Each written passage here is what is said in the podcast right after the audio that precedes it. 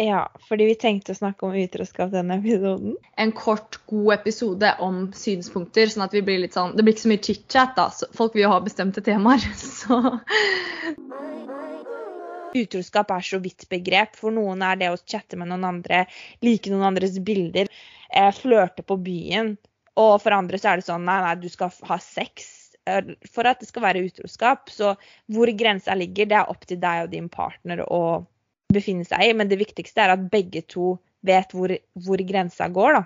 Ja, jeg tror du er inne på noe veldig viktig. Jeg tror det å definere grenser eh, og være enige om de grensene, det tror jeg er på en måte førstepri i et forhold. Det spørsmålet du må stille deg selv, som sikkert alle også har hørt, er kunne partneren min sett det her nå uten noe problem? Da er det greit. Men hvis du føler at det er noe du må skjule, da gjør du noe feil. fordi da er du ikke ærlig mot deg selv eller han eller hun. Jeg tror det bare gjør vondt verre hvis du liksom skal vite alt, grave etter alt. Liksom det holder at du vet at partneren din har liksom stabba deg i ryggen.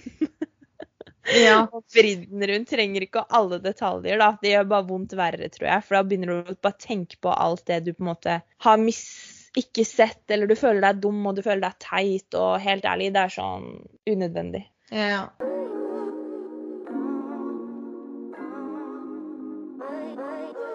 Hva er dine opplevelser med utroskap, og hva har du liksom lært, og hva tar du med deg? Uh, det er jo mange faktorer her, da. Men jeg har jo vært åpen om det. Jeg tror ikke jeg har snakket så mye om det i poden egentlig, men at jeg har gått gjennom utroskap, og at det helt klart har gjort noe med meg og mine hva skal jeg si, traumer, som Tina sier. Utroskap er et minitraume, eller det kan være et stort traume, eller, men det er i hvert fall et traume. Uansett når det skjer, tror jeg. Om du har vært gift og har barn, eller om du bare er dødens forelska. Når opplevde du utroskap? Du husker den gangen du oppdager, finner ut at noen har vært utro mot deg du husker akkurat hva du gjorde, akkurat hvor du var, akkurat hvordan det føltes ut, fordi det, det føltes så sterkt, da. Og i hvert fall så husker jeg at jeg var i London, og det var en sånn skikkelig fin dag, og det var det siste jeg trodde kom til å skje den dagen. Det siste jeg trodde jeg kom til å høre, da. Og måten jeg på en måte fikk vite det på, var jo av min beste venn. Og da husker jeg at jeg følte liksom at hele verden min bare falt sammen, at alt bare var en løgn. Hvis du er en som har vært utro, eller er utro, og noen spør deg om og tar deg i det, da, rett og slett, så vær helt ærlig. Da, da, har du på en måte ingenting å tape på å være ærlig. Du har bare alt å vinne, da. Men kan så, du Unnskyld for at jeg avbryter deg, men kan du forstå at man ikke er ærlig i en sånn situasjon? Og jeg sier ikke at jeg forstår det i det hele tatt, men hvis jeg prøver å sette meg inn i situasjonen, så handler det vel om at man er livredd da, for å miste den, eh, eller såre den personen man gjør noe mot, da. Mm. Men for meg så var det i hvert fall eh, Jeg ba om én ting, og det var bare å være helt ærlig nå. Da kanskje man kan jobbe seg gjennom det, men ingen flere løgner, da. Og det jeg kan forstå, er at man går i en sånn derre krisemodus, liksom. Bare sånn at man angrer og er lei seg, da, fordi at det kommer ut. Og så er det ofte sånn at den motsatte personen kommer med ja, men jeg lover eh, Jeg har endra meg, eller jeg gråter og gråter og gråter og ringer deg ned og kommer på døra di og lover at de har endra seg over dagen, da. Men så er det jo den typiske sånn Er du lei deg fordi du såret meg, eller er du lei deg fordi du ble tatt? Mm. Jeg tror i det øyeblikket hvor du blir tatt, så er det det som går først. Du er liksom lei deg fordi at du har blitt tatt i å såre en du på en måte elsker, da. Ja, det handler jo på en måte om disrespekten da, og tilliten, og det å på en måte bli Sveket. Det er nesten sånn Når noen sårer deg så mye, så er alt du vil, er at du skal stikke til helvete, men ikke gå. Skjønner du? Ja. Uff. Og så er det bare den følelsen av at du kan gå fra å bare ha det så bra det ene sekundet, til at du bare får en nyhet. Så bare skifter hele energien din seg. Du klarer ikke å spise, du klarer ikke å sove, du klarer ikke å tenke på noe annet. Du klarer ikke å leve vanlig. Og det er det jeg syns er så fascinerende med hjernen. da, Hvordan bare en liten opplysning kan skifte alt du tror på som er ekte, da, og, og realitet, basically. Du var jo ganske ung, og det var jo for så vidt han også. Og det jeg lurte på, var når du sier at du gikk tilbake til han fordi han på en måte trygla om en ny sjanse og lova at han skulle endre seg og alt det der. Gjorde dere noen form for jobb da, sammen? Eller sånn, var dere veldig bevisst på at OK, vi må bygge opp denne tilliten på nytt? Sånn at ikke, hver gang det kommer et eller annet eh, småtteri, så tar du det opp i en krangel eller liksom de tingene der. da. Var, var det noen tiltak dere gjorde for å skulle kunne fungere bedre som par etter en sånn hendelse? Utroskap kan tilgis. Men som du sier, da må man gjøre noen tak. Og du kan ikke bare tro på at personen har forandra seg over natta, fordi helt ærlig, du endrer deg ikke med mindre det er, det er, på dine egne premisser fordi du har lyst til å få en endring. Det er ingen som endrer seg for noen andre.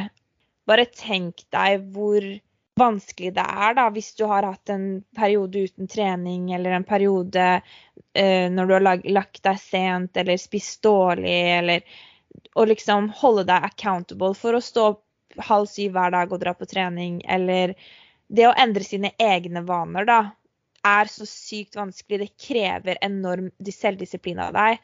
Og da forestill deg at du skal endre noen andres vaner. Ja. Det, sånn, det går ikke, bro. Nei, og det, og det, jeg tror da, personlig, er at uansett hvordan vaner man skal endre, eller hva man ikke liker med seg selv som man vil utvikle, så tror jeg at hvis man gjør det ut av frykt for, eksempel, da, sånn som den personen her, når du var sammen med den personen, og den personen var sånn 'Jeg gjør alt for deg, Julie. Jeg skal endre meg.' Så var han livredd for å miste deg. Og da sier man at man skal endre seg for en annen person ut av frykt, og det tror jeg ikke går. Det må på en måte være en endring ut av kjærlighet for seg selv. Eh, fordi det er jo det det handler om. Det handler jo til syvende og sist om hvor usikker man er på seg selv, hvor lite man respekterer seg selv. Og det å da gjøre den jobben med å sette grenser for seg selv Tror jeg. Men har det, har det skapt en mistillit til forhold for deg? Jeg må bare svare på to ting. Helt enig for det første at det må skje ut av en kjærlighet for seg selv, en endring for seg selv, og ikke fordi du har lyst til å redde noe eller være noen for noen andre.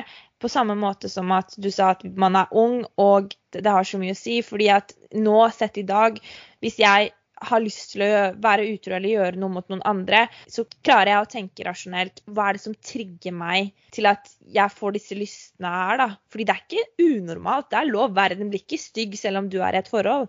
Men det er bare sånn hvor, hvor ligger verdiene dine? Og forhåpentligvis da, så lærer man av feilene sine. Mer erfaring man får. Og det tror jeg denne personen har gjort, og veldig mange gjør da. Og veldig mange ikke gjør. Ja, at man men, går i samme mønstrene, på en måte. Men jeg tror 100% man kan endre seg hvis det kommer fra en egen vilje og en egen kjærlighet til seg selv, da. Ja, det tror jeg òg. Det er jo liksom forskningsbasert at vi kan endre wiring i hjernen vår. Så at vi kan endre oppførsel med oss selv som vi ikke liker, det tror jeg ikke det er noe tvil om. Men det krever veldig mye, og det krever at man blir bevisst. Og det krever at man tør å se seg selv i speilet og være ærlig og bare sånn Shit, denne personen jeg er nå, denne upålitelige personen jeg er nå, den liker jeg ikke. Det må jeg gjøre noe med. Eh, OK, da handler det om å, å, å øve på å være pålitelig, da. Uansett hvilken side av utroskapen du har vært på, om du er den som har blitt cheata på, eller den som er med på å cheate, så har du det ikke bra med deg selv. Sånn seriøst at det er mange jenter og gutter som er sånn Ja, men jeg kjenner ikke den andre, hvorfor skal jeg bry meg om det? Det handler ikke om at du kjenner den personen eller ikke, det handler om at du har mer respekt for deg selv. Derfor velger du å unngå det. Hvem har lyst til å være en side bitch eller hun andre eller han andre. Det er ingen som har lyst til det. Man er det fordi man trenger et bekreftelsesbehov, da. Og det er et tegn på at du har noen sår inni deg du må jobbe med. Preach, preach, preach. Åh, det er jeg så sykt enig i. Og jeg tror liksom alt bunner i at man ikke har det bra med seg selv. Du spurte meg om eh, det, ja. det å ha blitt cheata på har gjort at jeg føler på en slags mistillit for å gå i noe nytt. Og det skapte mye usikkerheter i meg selv. Sånn Jeg gikk jo veldig på personlig feil. Jeg tenkte bare Jeg sammenlignet meg med alle pene jenter. Den jenta der, den jenta der. Det har vi jo snakket om, liksom at man, man klandrer mer den andre personen enn kjæresten sin, da, fordi at den har du en såpass annen relasjon med og relasjon til. Og det er også feil, fordi ingen andre skylder deg en damn shit. Helt ærlig. Alle har nok med seg selv.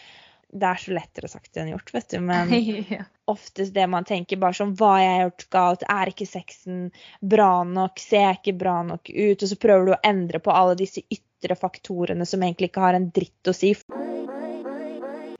Men hva vil du på en måte si til andre som kanskje står i samme situasjon? da? Hva ville du sagt til deg selv, da, ikke minst som 20-åring? Mm, hvis du står i den situasjonen, så føler jeg at du trenger tid, for det første. Ikke bare hopp tilbake til den personen og tro at alt blir bra, for det blir det aldri. Og jeg tror du bare trenger å bare sånn Hva er det jeg egentlig vil? Hva er det jeg, hva er det jeg trenger? Hva er viktig for meg? Um, og ikke tviholde på noe som kanskje ikke er the one, da. Jo, men det tror jeg òg. Og jeg tror det der med å vite når man skal slippe en person de, alle de der eh, litt sånn klinging-greiene. sånn der, 'Å, jeg klarer meg ikke uten deg. Du, eh, fyller, du, du, er min halvdel, du er min yin og yang og alt som er.' Så føler man at man mister noe som man ikke skal miste. Eh, men jeg, jeg, tror at uansett hvor man står, så er det litt sånn at hvis du jobber nok med deg selv og blir trygg og glad i deg selv og stoler på deg selv, så kommer du en lang vei med å vite når ting er nok, da. Og når du er villig til å jobbe med det. Det, det, er så sant, det der. Og det å sette grenser, som det har vært mitt, min store skam, da. Det at jeg ikke har klart å sette grenser for, for meg selv. Og jeg tror at det er pri én. Bare sånn ikke push den grensa. Hvis den grensa di er nådd, da er den nådd. Da må du bare gå på en sånn stoisk prinsippsak. Det, det holder. Du har disrespekta meg nok. Og for at skal, det skal gis en ny sjanse, så må ting skje, liksom. Du må se handling. Jeg føler at jeg fikk mye ord, og jeg trodde på de ordene. Og actions speak louder than words. Alltid. Og husk det, da. Men uh, det er den ultimate besvike når du føler virkelig at noen er din person, da, og det er oss. Og når det ikke da viser seg at ikke det er som du hadde trodd, da tenker jeg du må ta et steg tilbake og ikke være redd for at ikke det fins noe bedre eller ikke fins noe annet. Fordi du skal faen meg heller være alene enn å være i et forhold hvor noen drainer deg, eller hvor noen ikke er lojal mot deg. og, og gå, Det går på kompromiss med deg selv, dine egne verdier og din egen integritet. Altså, fordi da kommer du bare til å leve et miserabelt liv hvis du er i noe som du vet, Intuisjonen din vet om det her er riktig eller ikke. Og for mm. meg, jeg, jeg lytta ikke til den. Ass. Jeg visste at her må jeg gå, og mm. jeg gjorde det ikke. Og jeg klarte det et, par, et år, et par år etterpå, men da var det noe annet som holdt meg tilbake. Da, da, var, den, da var, det liksom den såra Julie fra da det, alt det her skjedde, som, som, ikke var klar, rett og slett. Um, så, ja, og sånt er jo veldig individuelt. Så det er jo dessverre noe man må gå gjennom selv. Men jeg tror hvis vi skal snakke ut ifra det vi har kommet frem til nå, da, så handler det jo veldig mye om å jobbe med seg selv, stole på seg selv da, og være trygg i seg selv. Så ordet er selv. Jobb med deg selv. Fordi jeg tror at det, det er jo derfor veldig mange forhold ikke går fra de er 18 og ut livet. Det er fordi eller sannsynligvis det jeg tror, da, er at man ikke ikke har utvikla og blitt ordentlig trygg på seg selv. Sånn at man prosjekterer alle disse usikkerhetene inn i forholdet. Og ingenting er bedre hvis man klarer å gå med partneren sin og utvikle seg selv individuelt, og man legger til rette for individuell utvikling i forholdet og har en felles respekt og forståelse på det. Men det kan vi snakke om en annen gang. Ord jeg lever av selv, hvert fall, eller lever for selv, er at eh, hvis man ser på en, eh, en, situasjon, en ekstern situasjon du ikke på en måte kan gjøre noe med, eller som har skjedd deg, eller som du føler er veldig urettferdig at skjer med deg, da, istedenfor å spørre seg selv spørsmålet 'Hvorfor skjer dette meg?' Så still deg selv spørsmålet OK, nå har dette skjedd. Hva kan jeg lære av det her? Hva kan jeg bruke i denne erfaringa til å gjøre meg sterkere enn det jeg er nå? Sterkere og mer empatisk og bedre i verden, liksom man ser på det som en, en, en, mulighet til å vokse. Og ofte så har vi mennesker en sånn blueprint. sånn Dette skal skje, sånn skal det skje, og vi tror vi har fri vilje til at det skjer. Men det er så mange faktorer som gjør at ikke det skjer som det skjer. da, Og da er det liksom det er så mange som lider fordi at ikke ting blir som du tror det skal bli, eller, og det er bare unødvendig eh, lidelse, da. Så det å akseptere Key nummer én, sånn er det. Hvordan kan jeg gå herfra? Og når livet ikke matcher det du så for deg, så er det bare å tenke sånn Hva kan jeg gjøre for å liksom skape min egen, min egen identitet uavhengig av ytre faktorer, da. Så, Mm. Og det å ha null kontroll, det er det veldig mange som plages av. Det å føle at man liksom ikke har noe man skulle sagt. Det føler man når noen har vært utro mot deg, eller i en forholdskrise. Mens du har faktisk kontroll. Du har kontroll derfra til å endre og ta valg som passer deg og ditt liv bedre, da. Mm, Så ja. det er smerte du påfører deg selv ofte. Vi kan ikke styre hva som skjer av eksterne forhold, men vi kan styre vår reaksjon og hva vi velger å gjøre med de forholdene. Akseptere det du ikke kan kontrollere. Liksom, du har tre valg da, når noe sånt skjer mot deg, og du bare føler deg sånn urettferdig. 'Hvorfor skjer dette meg?' og la, la, la, la. Det er sånn Skyld Altså, du må slutte å klandre den andre personen, fordi du lar den personen stoppe deg, og så er det egentlig du som stopper deg selv. Og så er det det der med at du har et valg om å endre livet ditt, på en måte. Hvis noen har vært utro mot deg, eller hvis noen sårer deg, og eh, fortsatt kommer inn i livet ditt, så er det sånn Folk er mot deg som du aksepterer, så da må du kutte den kontakten. Det er noe jeg ikke lærte av. Jeg fortsatte å ha den. Og så må du bare Du må endre det du så for deg. Det, den blueprinten du så for deg. Han er ikke, eller hun er ikke, en, lenger en del av det jeg så for meg, og det kan jeg ikke kontrollere. Så da må du ta saken i dine egne hender og endre den smerten til noe positivt. Ass. Møte Ja. frykten din. Har du klart det? Om jeg har klart det? Ja. Jeg føler at eh, jeg har klart det, ja. Min store frykt var liksom sånn Det å på en måte ikke møte en som elsker meg, eller det å være alene, eller det å ikke føle på en ekte, genuin kjærlighet til noen andre igjen, da. Nå mener jeg sånn romantisk kjærlighet, liksom. Eh, men nå er jeg mer, jeg er mer bare trygg i at det som skjer, det skjer, og uavhengig om jeg møter noen, så har jeg enormt mye kjærlighet rundt meg, og det er good, liksom. I'm good. Det er hylende å høre på deg. Det er vanskelig å gå tilbake syv år i tid, skjønner du. Fordi Ja. da var jeg crazy i hodet mitt. Ja, men jeg tror også Fordi jeg hørte på en podkast i stad med en som heter eh, Gabrielle Bernstein, da, som vi har snakka litt om før. Og når hun skrev boka 'The Universe Has Your Back', så gikk hun jo tilbake og opplevde, eller gjenopplevde de gamle traumene. Og det er jo som du sier, dette er et traume. Og det kan faktisk være healende for deg til og med i dag å snakke om det. For å minne deg selv på hvorfor du eh, velger ting som du gjør i dag, da, f.eks. Og det eneste som er sikkert, er at det kommer til å gå over. Enten så går det bra, eller så går det over. Du kan Ja. bruke ti år, du kan bruke fem år, du kan bruke to måneder, liksom. Og så må du bare bruke, ta den tiden virkelig til, til hjelp for å gjøre det som gjør deg bedre. Ikke hva som gjør dere bedre sammen. Det er sånn, Du må bare fokusere på deg selv, ass. Fordi Mm. that's all in your hands. Det er, det er det eneste du kan kontrollere. Ja, word.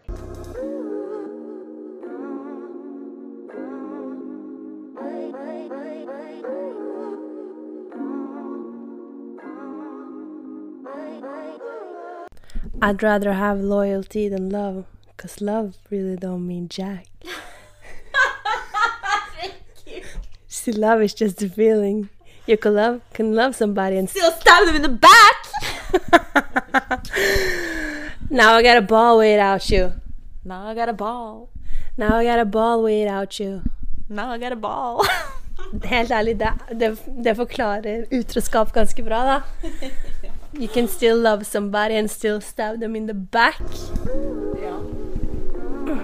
Hvis du ikke respekterer det. Det er det, vet du.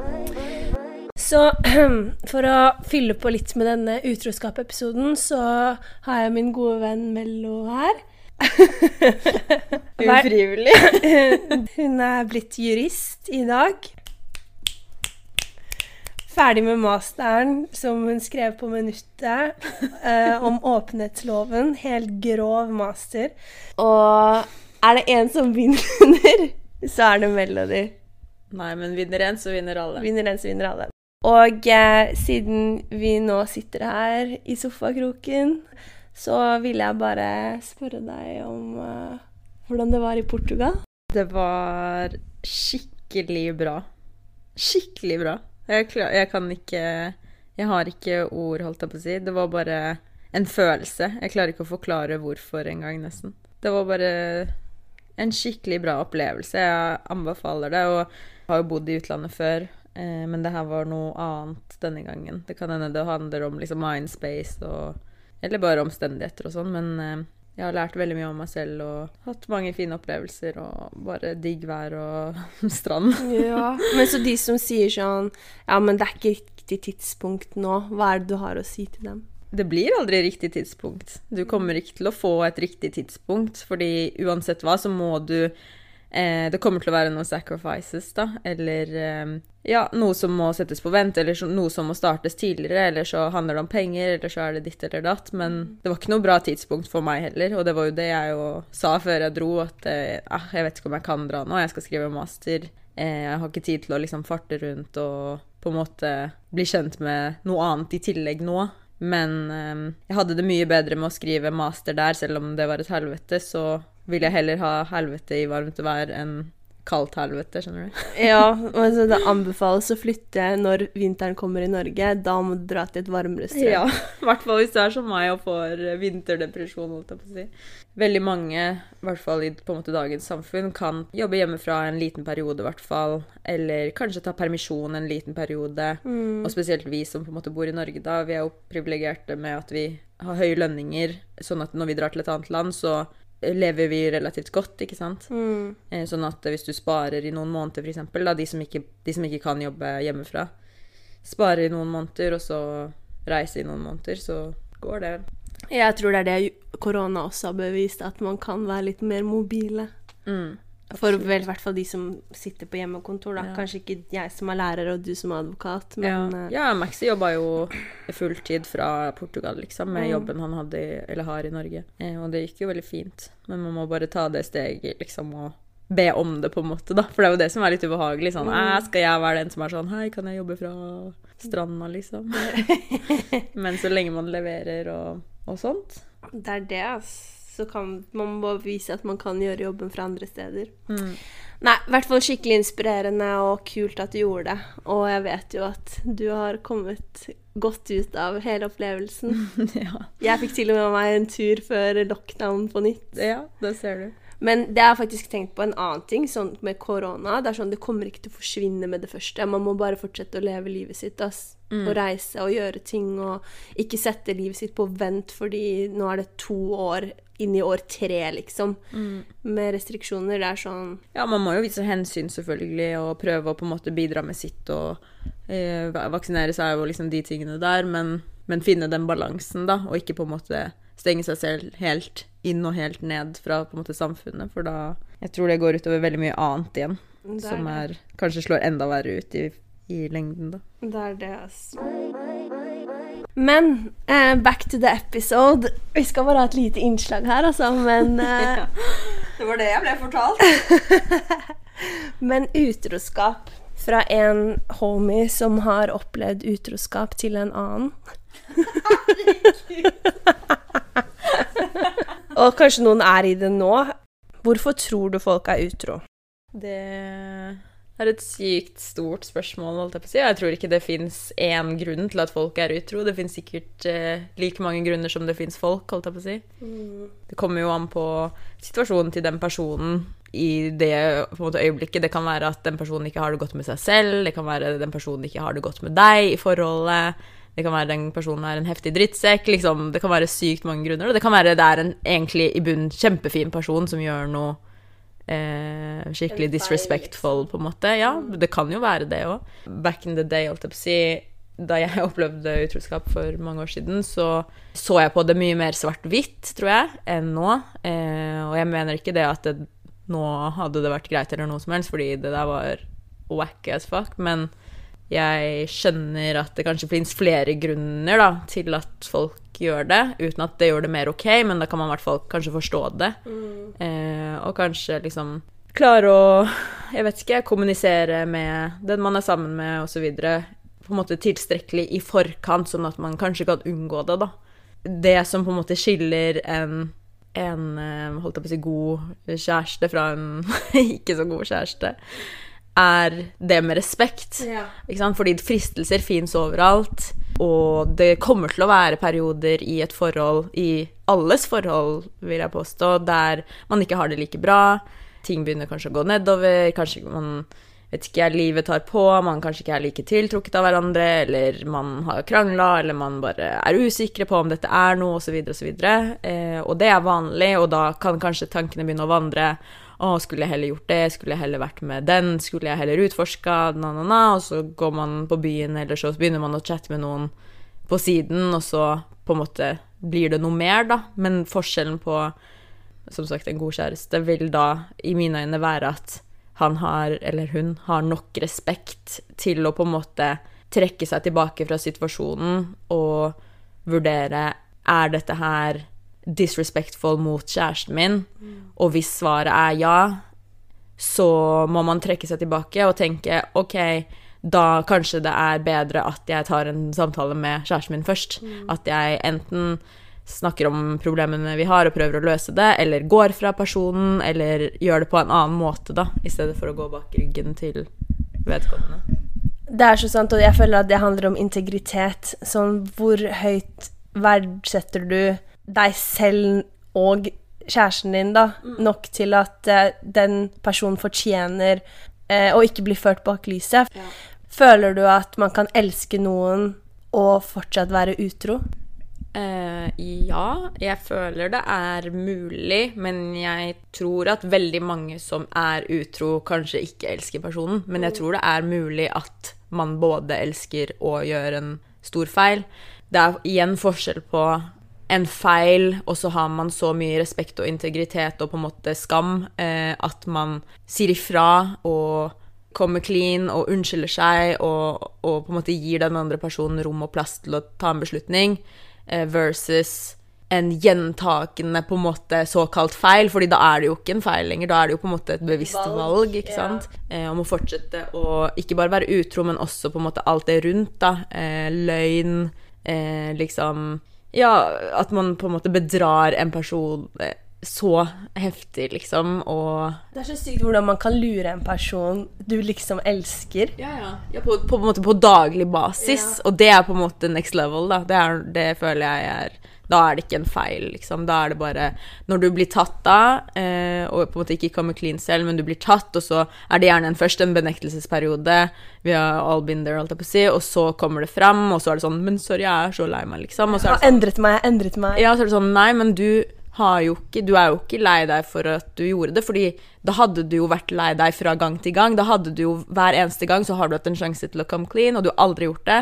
Så nå er du jo bare lei deg for at du ble tatt. Og du kommer jo ikke til å da forandre deg fordi nødvendigvis du blir tatt, fordi da Forandring må jo på en måte komme innenfra. Du må jo ville forandre deg. Og når du ikke har på en måte villet come clean, så har du jo ikke tatt det steget enda. Du er ikke der enda, på en måte. Nei, så det er sånn det første steg nummer én hvis du har vært en som har cheat, det er liksom sånn fortell det. Fordi du må la det være den andre personen sitt valg om de har lyst til å gi deg en ny sjanse. Det er ikke opp til deg, da. Men føler du sånn Jeg husker jeg snakket om dette med Tina, da, at for henne er sånn et kyss på byen Det er like jævlig som at du skal være notorisk utro og ligge med en annen i senga mi, liksom.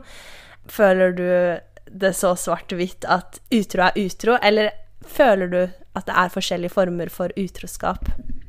Mm, jeg føler helt klart at det er forskjellige former for utroskap.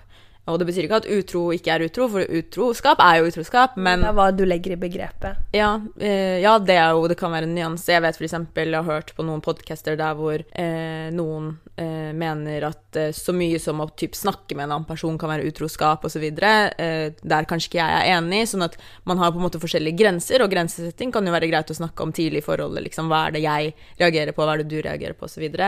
Eh, men for meg så er det en forskjell på å ja, et kyss på byen og å være notorisk utro og ligge med noen, eller ha et for, helt forhold til og med bak, for det er jo mange som også typ lever et dobbelt liv, ikke sant, og har to kjærester, eller to koner, eller to menn, eller whatever.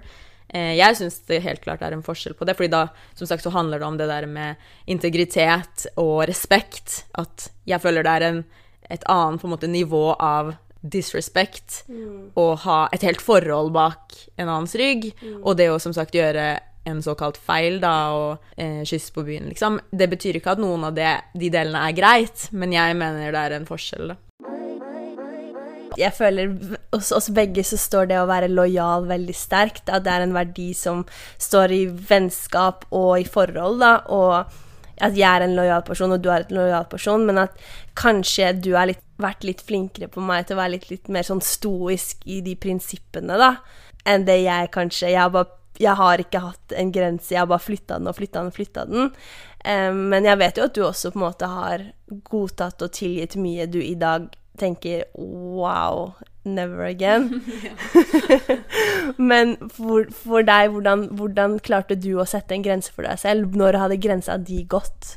Mm, det er eh, vanskelige spørsmål. Det er vanskelig å snakke om det både fordi det er jo ubehagelig liksom, å snakke om, men også fordi det er så lenge siden at jeg må nesten på en måte tenke litt og bare Det er lett nå å se tilbake og bare Nei da, det gikk helt fint, jeg kom meg lett over det, og na, na, na. Eh, eh, men, ting er jo annerledes selvfølgelig når man står i det selv. Som du sa, så er det sånn Jeg er veldig prinsippfast på de tingene. Jeg, de verdiene står veldig veldig sterkt hos meg, da. Eh, lojalitet og, og, så videre. Eh, sånn at det er noe jeg på en måte alltid har hatt liksom i mente sånn Det her er eh, kjempeviktig for meg. Hvis noen går over grensa, så er det liksom Et kyss, det er nok. Liksom, da er det ferdig. Det er ikke noen vei tilbake, uansett hva personen sier, bla, bla, bla. Og så, i tidligere forhold, så har det skjedd da at eh, personen jeg har vært med, har vært utro. Eh, notorisk utro, sikkert. Og så har jeg fått vite om det igjen, ikke fordi personen har kommet clean, men fordi jeg har hørt det, konfrontert det. Ja, ja, nå er jeg så lei meg, og så hele den der. Og så har jeg i utgangspunktet, fordi de prinsippene har stått sterkt, vært sånn OK, da er det ferdig. Og så har det på en måte blitt ferdig, men så har jeg flytta grenser i den forstand at etter det, etter at det på en måte har blitt ferdig, så har jeg tillatt at den personen har kunnet på en måte jobbe seg inn igjen. Eh, og det har på en måte vært på feil premisser, ikke sant? Um, og det tror jeg så mange kan kjenne seg igjen i. At man bare 'Nå er jeg ferdig', og så går det litt tid, og så glemmer du den besvekelsen og den dolkinga i ryggen du har vært gjennom. Ja. Så du lar det liksom bare ja, nå har det jo gått litt tid, kanskje. Ja, ja, og så er det sånn når man er uh, i et forhold Eller uansett, det trenger ikke være forhold engang, kan være svik fra en venninne, f.eks., eller whatever. Uh, så du har kjærlighet da for den personen. Uh, og det er mye enklere da senere å huske gode ting enn negative ting, fordi jeg tror at vi mennesker blokkerer vonde ting ute mye enklere fordi det er en overlevelsesmekanisme for oss. ikke sant? Det hadde jo vært veldig tungt for oss mennesker å bære på alt det tunge som har skjedd fra dag til dag. Hvis vi hadde gjort det, så blir vi kanskje mer deprimerte osv., da. Eh, mens veldig mange av oss i hvert fall er gode til å på en måte blokkere ut ting. Og glemme det, eller døyve det ned, og tenke liksom tre måneder etter så var det sånn Var det så ille? Nei, var det ikke så ille, da. Ikke sant? Man på en måte glemmer den smerten litt. Ja, ja, ja. Man husker ikke hvor vondt man hadde det når man lå der i fosterstilling og var utrøstelig, liksom. Ja. Fordi at du tenker bare på 'Å, jeg husker når vi koste i sofaen, og det var så hyggelig, og vi var ute og koste oss og hadde det gøy'. Liksom. Det er det man husker. Og, og i svake øyeblikk, når man føler seg ensom, så er det det man lengter etter også, da. Ja. Ja, ja, og, og, som sagt, for min del så var det på en måte min grenseflytting, da. Det, det på en måte handlet om det. Og så heldigvis så var det ikke så lenge eh, det holdt på før jeg eh, Jeg flytta jo grenser som sagt en del ganger, og så var det Jeg vet ikke helt egentlig hva det var. Jeg tror det bare var noe som våkna i meg selv der jeg tenkte sånn Nei, hei, dette er flaut. Eller sånn dette må, Nå må du skjerpe deg. Dette er liksom ja, det, du, nå går du imot dine prinsipper. Jeg merka veldig at nå begynner jeg å bli en annen person enn det som på en måte er i tråd da, med mine verdier. Og at nå har jeg på en måte flytta grensene for mye. Eh, fordi jeg tror på at eh, det er viktig med tilgivelse, liksom, i samfunnet vårt. Uansett hva det er. Trenger ikke å være om utroskap eller noen ting. Men ikke så mye at du på en måte blir tråkka på og At du går på akkord med dine grunnverdier, at ja. du ikke kjenner deg selv igjen. Ja, liksom. ja nettopp. Så det var på en måte et eller annet som bare en eller annen dag Hei, dette går faktisk ikke. Og så klarte jeg heldigvis da å på en måte være sånn Nei, du setter ned foten, liksom. Og så var det ferdig. Og jeg husker så sykt godt at den perioden når du gikk gjennom det, så var jo det ganske Dette er jo ting jeg har fått vite i senere år, liksom alt som skjedde og sånt, eh, og det trenger vi jo ikke å gå inn på, men når jeg opplevde å bli cheata på sånn ordentlig. Vi har jo vært borti litt sånn «Hæ, Dette var kanskje et litt rødt flagg, men Når det skjedde Og det har jeg jo snakket om, sånn røde flagg, de tar du ikke når du er ung. De, de, de tar du kanskje nå. Eh, Så ikke beat yourself up about it. Kanskje ikke nå engang. Liksom. Nei, nei, helt klart. Det er ikke sikkert man har lært. Man tror man har lært, men, og forhåpentligvis så har man det. Men eh, noen ganger så må man lære ting flere ganger. Den, jeg husker veldig godt den situasjonen vi var i når, når jeg fant ut at jeg ble cheata på, da. Ja, det Og Jeg følte det skjedde med meg. ja, og det husker jeg bare sånn Det var en sånn Du ble uvel. Ja, veldig rart. Vi husker den dagen som det var i går, liksom. Alt som skjedde den dagen. Um, men hvorfor var det så viktig for deg da å, å se meg være sterk? Var det basert på dine egne erfaringer tidligere?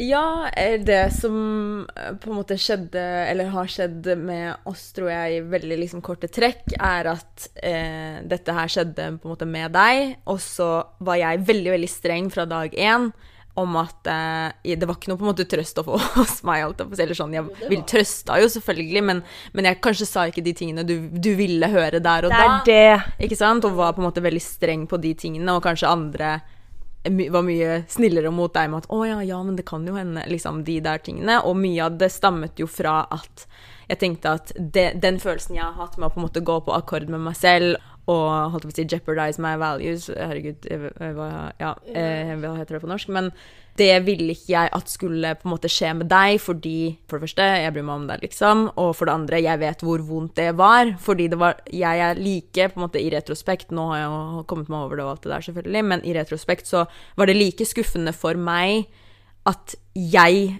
handla som jeg gjorde, eller ikke handla som jeg ønsket jeg burde gjort, enn at han gjorde det han gjorde. Liksom sånn, I retrospekt så er det sånn, det han gjorde, betyr jo på en måte ingenting for meg i dag. Men det var på en måte sånn jeg handla eller reagerte i situasjonen som på en måte plagde meg, da. Og det ville jeg ikke at skulle skje med deg. At du i senere tid, en måned, et år, ti år senere, skulle se tilbake og bare fy faen, Julie, hvorfor var du så svak, eller hvorfor lot du deg selv bli tråkka på, eller hvorfor, hvorfor lot du det skje? Så du prosjekterte på en måte dine feil i gåsetegn på meg fordi du ønsket ikke meg så vondt som du hadde det. Eh, og så er det jo den klassiske sånn Du må ofte gå gjennom det selv for å virkelig lære å skjønne. Eh, ja, og det var jo en ting jeg lærte holdt på å si, etter hvert, at eh, hallo, det hjelper ikke, uansett på en måte hvor streng jeg er med deg. Eh, Du kommer til å gjøre de feilene si, du trenger å gjøre uansett. Jeg kommer ikke til å kunne Det er den typiske Dere vet liksom Foreldrene sier til deg 'ikke gjør det, ikke gjør den samme feilen som meg', og så gjør du det likevel. Eh, og det er jo fordi at man trenger Jeg tror ikke det holder da å høre at eh, 'oi, den personen gjorde den feilen', da har jeg lært. Liksom, du må på en måte oppleve, oppleve det det og kjenne det på kroppen. Det er akkurat samme som et barn. Du kan ikke si Oi, det, 'ikke ta på lyset, det er vondt, det er varmt', au, au, au, au. Det er sånn, Du må kjenne på det lyset for å kjenne at det er au, au. Så ja, det er veldig sant. Og det tok jo på en måte litt tid da før jeg forsto hva du mente. Og jeg kunne sikkert spart meg selv for mye lidelse om jeg hadde hørt på deg. Mm. Men man lærer jo veldig mye av å gå gjennom en sånn situasjon. Men det verste som jeg tror veldig man kan føle på, er sånn at du nesten føler du har gjort noe galt når noen er utro mot deg. Ja, det er jo veldig skamfullt, fordi selv om det på en måte er noe den andre personen har gjort, eh, og sier veldig mye om den andre personen, så føles det jo som om den andre personen egentlig i offentligheten har sagt noe om deg. Indirekte eller underliggende så virker det som at den personen sier Nei, mitt forhold, det er, det er ikke noe, liksom. Eller den personen, den er, hun er ikke noe, eller han er ikke noe for meg. Eller jeg respekterer ikke den personen så høyt. Og hvorfor respekterer jeg ikke den personen så høyt? Nei, det er fordi den personen kanskje ikke er så bra, da. Det er jo sånn det virker. Du tenker, når noen cheater, så er det sånn Det er fordi jeg ikke er bra nok, jeg ikke er pen nok, jeg ikke er eh, flink nok. Liksom, man Ja, hvis jeg bare bare hadde gjort det og det, eller hvis jeg ikke hadde gjort det og det, ikke sant. Det er på en måte de tankene, da. Jeg tror igjen det kan hende det var fordi det var dette på en måte For min del da så skjedde dette da jeg var ganske ung, eh, sånn at jeg kanskje ikke på en måte var så på en måte sikker i meg selv. Men det var det som var mest vondt for meg. Eh, by far så var det ikke det at den personen i, lå med noen eller whatever. Det var det at Hva sa det om meg, og hva gjorde det med meg, liksom? Det var jo det som var eh, det vonde. Det var, det var veldig skamfullt. Du selv tenker 'hva er det jeg har gjort galt'? Og det å virkelig forstå at sånn Bro, det er ikke deg. Det er sånn den personen som disrespekter deg, som er ulojal, som eh, går bak ryggen din, det er den personen, han eller hun, som har issues, da, problemer. Dealer med sine ting, Ja. liksom. Og så har det gått utover deg, beklageligvis, liksom. Som sagt, i noen tilfeller så er det noe kjæresten kanskje kunne gjort annerledes. Det betyr ikke at det bare er den personen som er utro. Liksom, det kan hende det er noe mer, men det er der det med respekt kommer inn. At ja, det kan hende at forholdet var litt råttent den perioden, eller den personen ikke var like bra, eller bla, bla, bla, som, som han eller hun kunne vært. Men ta det opp. Liksom, kommuniser, prøv å fikse Prøv å finne ut av det, fiks det. Og hvis man finner ut at nei, men vi er for forskjellige, eller vi klarer ikke å møte hverandre, du klarer ikke å gi meg det jeg trenger, OK, gå fra hverandre av respekt. Ja. Ikke sant? Det er på en måte det det handler om. At jeg sier Jeg elsker deg nok til å la deg gå. Ja, det òg. Eller bare respekterer deg nok til at eh, jeg skjønner at OK, du klarer ikke å gi meg det jeg trenger, men, du, men du gjør det helt sikkert for en annen, for du er et fint menneske, liksom. Ja, det er veldig sant. Det trenger ikke å være noe mer enn det, liksom. Det er faktisk veldig sant, fordi det er sånn det handler om gjensidig respekt. Men noen ganger så går det til den, det, det stedet, i hvert fall gjorde det for meg, hvor jeg følte at du som den andre parten må ta et standpunkt om at jeg setter denne personen så høyt at den liksom basically ikke fortjener å være med denne versjonen av meg. Jeg må jobbe med meg selv først, da. Hvis du er den andre personen, da, den som på en måte side bitchen, side mannen, eller ja Føler du at den har et ansvar for å si fra til den personen som er i den tredje personen? Nei, jeg vil ikke kalle det et ansvar, fordi med mindre, som sagt, da hvis det er noe helt drøyt, og du er typ venninna eller et eller annet, så da er det jo noe helt annet igjen. Men hvis det er en person som ikke kjenner meg, da, eller deg, eller hvem det er, så føler jeg ikke at man kan kalle det et ansvar, for det er det ikke. Men selvfølgelig eh, Man bør jo ha på en måte høy nok integritet til å ikke være med en person som er i et forhold.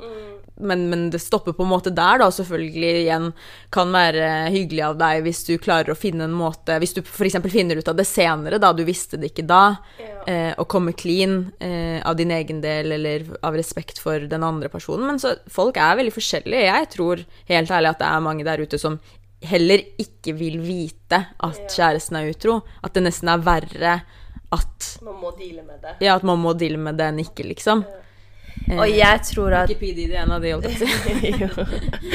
Og jeg tror at du, som, du har ikke noe ansvar, liksom sånn Ingen skylder deg en dritt, skjønner du hva jeg mener? Men det handler om det med integritet, at ikke du har lyst til å være den andre. La oss si jeg har en kjæreste, og så er kjæresten min utro med en jente. Og så begynner hun jenta å faktisk like min kjæreste. Sånn, hun tror det er noe mer, men han er det bare liksom lyst eller lyst eller ja. Og så føler hun andre jenta på at ok, nå skal jeg si det til Nå skal jeg ødelegge for deg, fordi du vil jo ikke ha meg. Eh, og si det til dama di. Og jeg tror ikke at det kommer så veldig mye godt ut av det. Jeg tror heller du vil si sånn Du burde si til kjæresten sånn Nå må du fortelle sannheten. Fordi jeg tror nesten at den effekten kan få dama til å, til å bli enda mer knytta til kjæresten sin. Fordi man blir sånn jeg vet ikke, sånn Man får en felles fiende, da. Hun der hun prøver å ødelegge. Hun der Man liksom lar det ikke gå utover faktisk partneren sin, men til den tredje parten. Ja, og det er jo noe jeg føler liksom Vi ser veldig ofte, da, holdt jeg på å si, i samfunnet, at man ender opp med å egentlig uglese bare den ene parten. Eh, altså man, man på en måte tilgir sin egen kjæreste, og så er det den andre som er helt syk, og det er det sykeste. Og så er det sånn ja, som sagt, den personen kanskje hadde lav integritet og, eller var en dårlig person eller whatever, men, men den personen skyldte jo ikke deg noe. Så den personen kanskje bare var det sånn isolert sett, men det, det er jo kjæresten din som har på en måte forrådt deg, da. Ja. Og det blir enda tilgir liksom. Ja, det, og det skjønner jeg også man gjør, fordi man på en måte har så sterke følelser for den parten. Og følelser styrer på en måte alt, da. Hva Har du noen tips til hvordan komme seg videre etter at man har blitt forrådt av? Den du faktisk ser for deg livet ditt sammen med, liksom? Hva, hva var det du sa til meg når jeg lå der på gulvet og gråt? Herregud. Det er en heftig dårlig venninne. Nei, jeg kjefta på deg, holdt jeg på å si, og da. Er han beinet ditt, eller du trenger han ikke for å gå? Nei. Ja, men Det kom etter hvert, men liksom sånn akkurat der i den, den natta i London i 2015 Jeg tror ikke jeg skal gi noen tips, men eh, det handler jo bare om det at man må virkelig på en måte prøve, det er nesten helt umulig, men prøve så godt det lar seg gjøre å ta liksom ett skritt tilbake og se litt objektivt på situasjonen. Fordi at når man er i det selv, så er det jo helt umulig. Man er liksom overveldet av følelser og alt det der. Og så klarer man ikke på en måte tenke rett. Men sånn, hva hadde du sagt hvis det her hadde skjedd med en du elsker? Hadde du bare sagt 'det går bra, det går bra', tilgi, tilgi? Eller hadde du sagt 'la oss tenke litt på dette her nå', liksom? La oss sette noen grenser for oss selv. La oss ta på en måte et standpunkt. Eh, la oss kjenne på om dette her kommer til å plage deg type i mange år fremover, eller kanskje for resten av livet, hvis du bare svelger det med en gang, eller ikke sant. Eh, og som sagt, jeg skal ikke gi noen tips, fordi jeg, jeg syns at dette er skikkelig liksom komplisert, og det er ulike, i, i, etter mitt syn, ulike grader av uh, utroskap, og det er ulike måter å være utro på, og det er ulike grunner til det, og så videre. Eh, sånn at eh, folk må finne ut av ting selv, men men i hvert fall ikke ta liksom forhastede beslutninger, da, og ta litt tid, i det minste, om ingenting annet, ta litt tid til å virkelig liksom tenke på hvordan det får deg til å føle, hvordan Ja. du skulle ønske det var løst, øh, kommunisere, eller hvis, man, hvis det er drøyt eller du, det er over dine grenser, så på en måte være sterk nok da, og fortelle seg selv at nå er det på tide å være sterk, liksom. Ja, og jeg tror det handler så mye om at du, du må trekke deg selv litt innover og være litt alene. For jeg husker at jeg gikk tilbake da, to måneder etter var vi sammen igjen, liksom. Det var bare, krevde bare noen runder på døra og noen gråtende telefonsamtaler, på en måte. Og det, jeg hadde ikke fått jobba med meg selv egentlig nok, og han hadde ikke fått jobbet med seg selv, og da er du liksom litt destined to fail, da. Så hvis du virkelig vil gi det en ny sjanse, så er det sånn hvis du er på vår alder, så er det sånn nesten parterapi. skjønner Du hva jeg mener? Du må liksom virkelig gå inn for at ok, nå skal det skje en endring. Jeg må finne ut hva jeg virkelig vil. Det å se for seg men jeg dør uten den personen, det er irrasjonelt. Det er sånn, Du tror kanskje det, men da vet du at da må du jobbe. Man må prøve å se litt objektivt på det, liksom. Ja. Fordi sånn, hadde ikke du vært i den situasjonen nå, hadde du tenkt at hvis noen er utro mot en annen person, så dør den andre personen? Liksom, Det er jo ikke sånn. Du skjønner jo det sånn objektivt sett, men så føles det sånn. Ja, ja, det, Og det er og det føles sånn. Så det, at vi sitter her og snakker om det her, jeg tror bare det kan hjelpe for at andre skjønner at du er ikke alene om å oppleve å være, bli cheata på, liksom. Det Ja, også, og, og, eh, og dette gjør kanskje vondt mange, for mange der ute, men du er heller ikke alene om å være den som får høre 'jeg angrer så sykt' av hele mitt Ja. hjerte. Du er den eneste. Dette var en wake-up call. Nå når jeg holdt på å miste deg, så skjønte jeg hva jeg hadde. Du er den spesielle. Duden din du er ikke spesiell. Ikke sant? Ja, Ja, ja. ja, den personen er ikke spesiell. Disse ordene, det er ikke noe spesielt. Det er veldig vanlige reaksjoner. Det er. Ja, forsvarsmekanismen med en gang. det er noe som trigges, liksom. Ja. Fordi det er sikkert kjempeskummelt for den andre personen òg. Liksom. Det er frykt. Ikke sant? Det er frykt for å miste, miste noe som egentlig var eller kunne vært kjempebra, eller noe du på en måte er trygg i, da. Ja, Eh, jeg tror det handler mye om trygghet. Kanskje det ikke engang var bra. Liksom, yeah. Let's be real. Det var kanskje en grunn til at han, han eller hun da var utro. Kanskje det var masse ting som var dårlig, og man må jobbe med det osv. Men det handler om den tryggheten at nå mister man Eller når, nå går det over til noe ukjent, og det liker ikke de fleste av oss, da.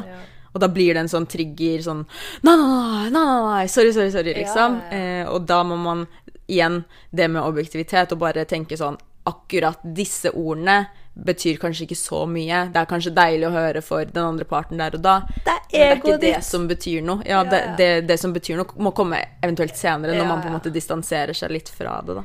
Egoet ditt triver på at den andre personen kommer gråtende og sier 'ja, endra meg', men det, det er frykt som snakker 100% og som jeg sier, handlinger, det er de som, som snakker for seg selv. Ass. Det er sånn hvordan, hva han sier til deg, hvis ikke det aligner med hva han gjør, da har du en Ikke the one, ass. Sorry. Ja. Nei, og, så er, og, det, og det er det òg, liksom sånn Én ting er Nå vet jeg ikke hva, hva slags aldersrange det er som hører på denne podkasten, men særlig når man er litt yngre, så tenker man at eh, Å nei, nei, jeg vil ikke miste det, det går bra, det går bra.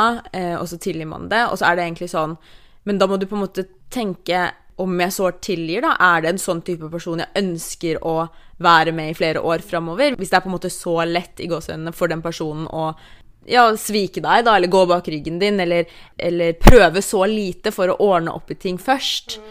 Er det den personen du vil ha med deg videre? Føler du at du kommer til å være trygg på den personen senere da? Det er gode spørsmål å stille seg selv, ass. Fordi at uh, det er lettere når du er uh, 19 og 20 og bor hjemme fortsatt, liksom, enn når du har kjøpt leilighet og uh, er gravid og Ja, men skjønner du at det er faktisk gode spørsmål å stille seg selv, da. Bare sånn Kommer jeg til å kunne stole på denne her personen igjen? Blir det et sunt forhold, liksom? Mm, kommer jeg til å legge dette bak meg? Det er veldig mange som tror at By forgive and forget. Det er sånn Det er lett å si, mm. men uh, når du står oppi der og ting blir kjipt igjen, så er det lett å ta opp gamle sår, da. Ja. Ja, og det er jo kjempedestruktivt igjen. Sånn at hvis man først tilgir, da Igjen så må det, syns jeg, det må være en skikkelig grundig prosess der du som sagt har tatt masse tid, tenkt masse, snakket masse, kommunisert masse, og den andre personen har gjort det samme, og så finner man ut kanskje at vi prøver igjen, for dette var en feil, og det skal ikke skje igjen. Og når man da tilgir, så må man faktisk tilgi òg. Ja. Man kan ikke drive og ta det opp hele tiden, eh, for da ødelegger man det bare. Da, det kommer aldri til å bli et sunt forhold, liksom. Nei, og jeg tror det er viktig at, liksom, at kan, Det er lov å bruke lang tid på å tilgi. Ja, ja, men når man eh, først gjør det. Ja, da må du på en måte tenke at ok, nå er jeg faktisk tilgitt, og nå kan jeg ikke drive og ta det opp i enhver krangel, fordi da har du ikke tilgitt det. Og jeg sa det også i poden til Tina, jeg har sagt det før, men at man tilgir for seg selv, da, fordi at det er slitsomt å drive og bære på sånn resentment og bitterhet. Mm. Uansett om det blir slutt eller om det blir sammen igjen, så, så er det lurt å på en måte klare å, å, jobbe såpass med seg selv at du tilgir fordi at det er for your greater goods. Fordi at, eh, at du unner den personen masse dritt og smerte og helvete og heaven, det går til syvende og sist bare utover deg selv. Og det er det quotet du drikker gift selv og tror den andre vil dø. Det er du som dreper deg selv med den negativiteten. Ja.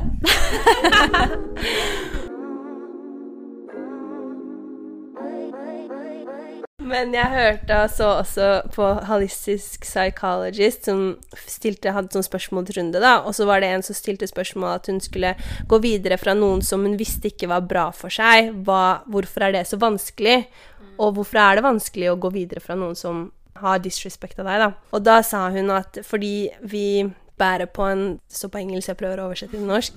Men på en, liksom, en, en frykt som er så inngravd i oss, da, at vi tror vi er uelskelige, og at um, forholdet med noen er et bevis på at noen faktisk kan elske oss, og det å klare å gi slipp på den, den skumle tanken om at liksom jeg er uelskelig, som jeg vet at jeg sleit med, fordi du føler liksom at shit det er this or nothing, liksom. Mm. Ja, det henger jo med sammen med det vi snakka om tidligere, at når noen er utro mot deg, så er kanskje det verste, i hvert fall en veldig veldig stor del av det, handler jo om de følelsene som du på en måte relaterer til deg selv. Sånn hva sier dette om meg? Ikke sant? Og det henger jo sammen med dette her. Ja, ja, ja. Og et annet spørsmål var um, hvordan går du videre fra en partner som har vært utro, og hvorfor elsker du partneren din fortsatt? Og da svarer hun sånn hvorfor skal du ikke elske den personen? Fordi svik og betrayal, det at noen sårer deg, det har ikke noe å si for at du skal slutte å elske dem. Så det betyr bare at vi føler oss såret, og, og det er derfor ofte sånn hvis noen har vært utro mot deg, og du finner det ut, så ender det opp med liksom sånn sex med tårer og helvete, og fordi du føler på en sånn Du elsker den personen, men den har såret meg så mye, og så hater jeg deg, men jeg elsker deg, og så Det skaper veldig mange følelser man ikke kan forklare, da. Ingen er perfekte, og man kan gjøre feil, og det betyr ikke at du, du, kommer til å gå på den feilen igjen og igjen og igjen. Og jeg tror liksom at ikke, du er ikke utro selv om du har vært det en, en gang utro og alltid utro. Jeg tror man kan endre seg, men at endringen må komme innenfra, da. Uh, og det må være sånn Jeg har ikke lyst til å være denne her personen eller denne versjonen av meg selv. Og jobbe med det over lengre tid igjen veldig mange kanskje ser på det veldig svart-hvitt, at en person som har vært utro, er en dårlig person, eller kommer til å være det igjen. Og ja, i veldig mange tilfeller så er, stemmer nok det. Kanskje statistisk sett, det vet jeg ikke, stemmer det kanskje. Men det tror jeg er fordi at da har ikke den personen ønsket å endre seg, eller ikke på en måte jobbet for å endre seg. Det handler ikke om at den personen ikke kan endre seg, fordi at jeg tror at vi kan endre oss. Vi kan gjøre feil, genuine feil, om det så ikke handler om utroskap, og så ta et skritt tilbake og bare wow, hvem er det jeg er i ferd med å bli, eller hvorfor gjorde jeg det, eller hvorfor sa jeg det? Nå skal jeg på en måte gå inn i meg selv og ordne opp i disse tingene. Kanskje det stammer fra noe annet igjen, osv., osv., nøste opp og sånt. Eh, og så endrer man seg kanskje sakte, men sikkert. Eller man har vært utro i det ene forholdet, og så blir det slutt, og så er man det ikke igjen i det neste. Eh, det tror jeg er mulig, men jeg tror kanskje ikke det er mulig med de type forholdene der det er sånn Ja, som sagt, man blir tatt i å cheate, og så Nei, nei, jeg angrer, angrer, jeg har endra meg. Og så er det sånn OK, du endra deg over natta, eller hva? Liksom sånn, Hvorfor endra du deg nå? Du, fordi du ble tatt? Da, da var jo ikke det en genuin endring som kom innifra. Da var det jo bare en fryktrespons, på en måte, da. Ja, ja, det er jo det. Uansett om du er den som har vært utro, eller den som har blitt utrodd på, så definerer ikke det deg som menneske. Takk for praten. Er det noe avsluttende? Takk selv. I'd rather have loyalty than love. og hvis ikke, så er det bare å høre på Ball Without You av 21 Savage, og så kommer du deg forbi alt. Eller så har jeg Cherie, Lemna han.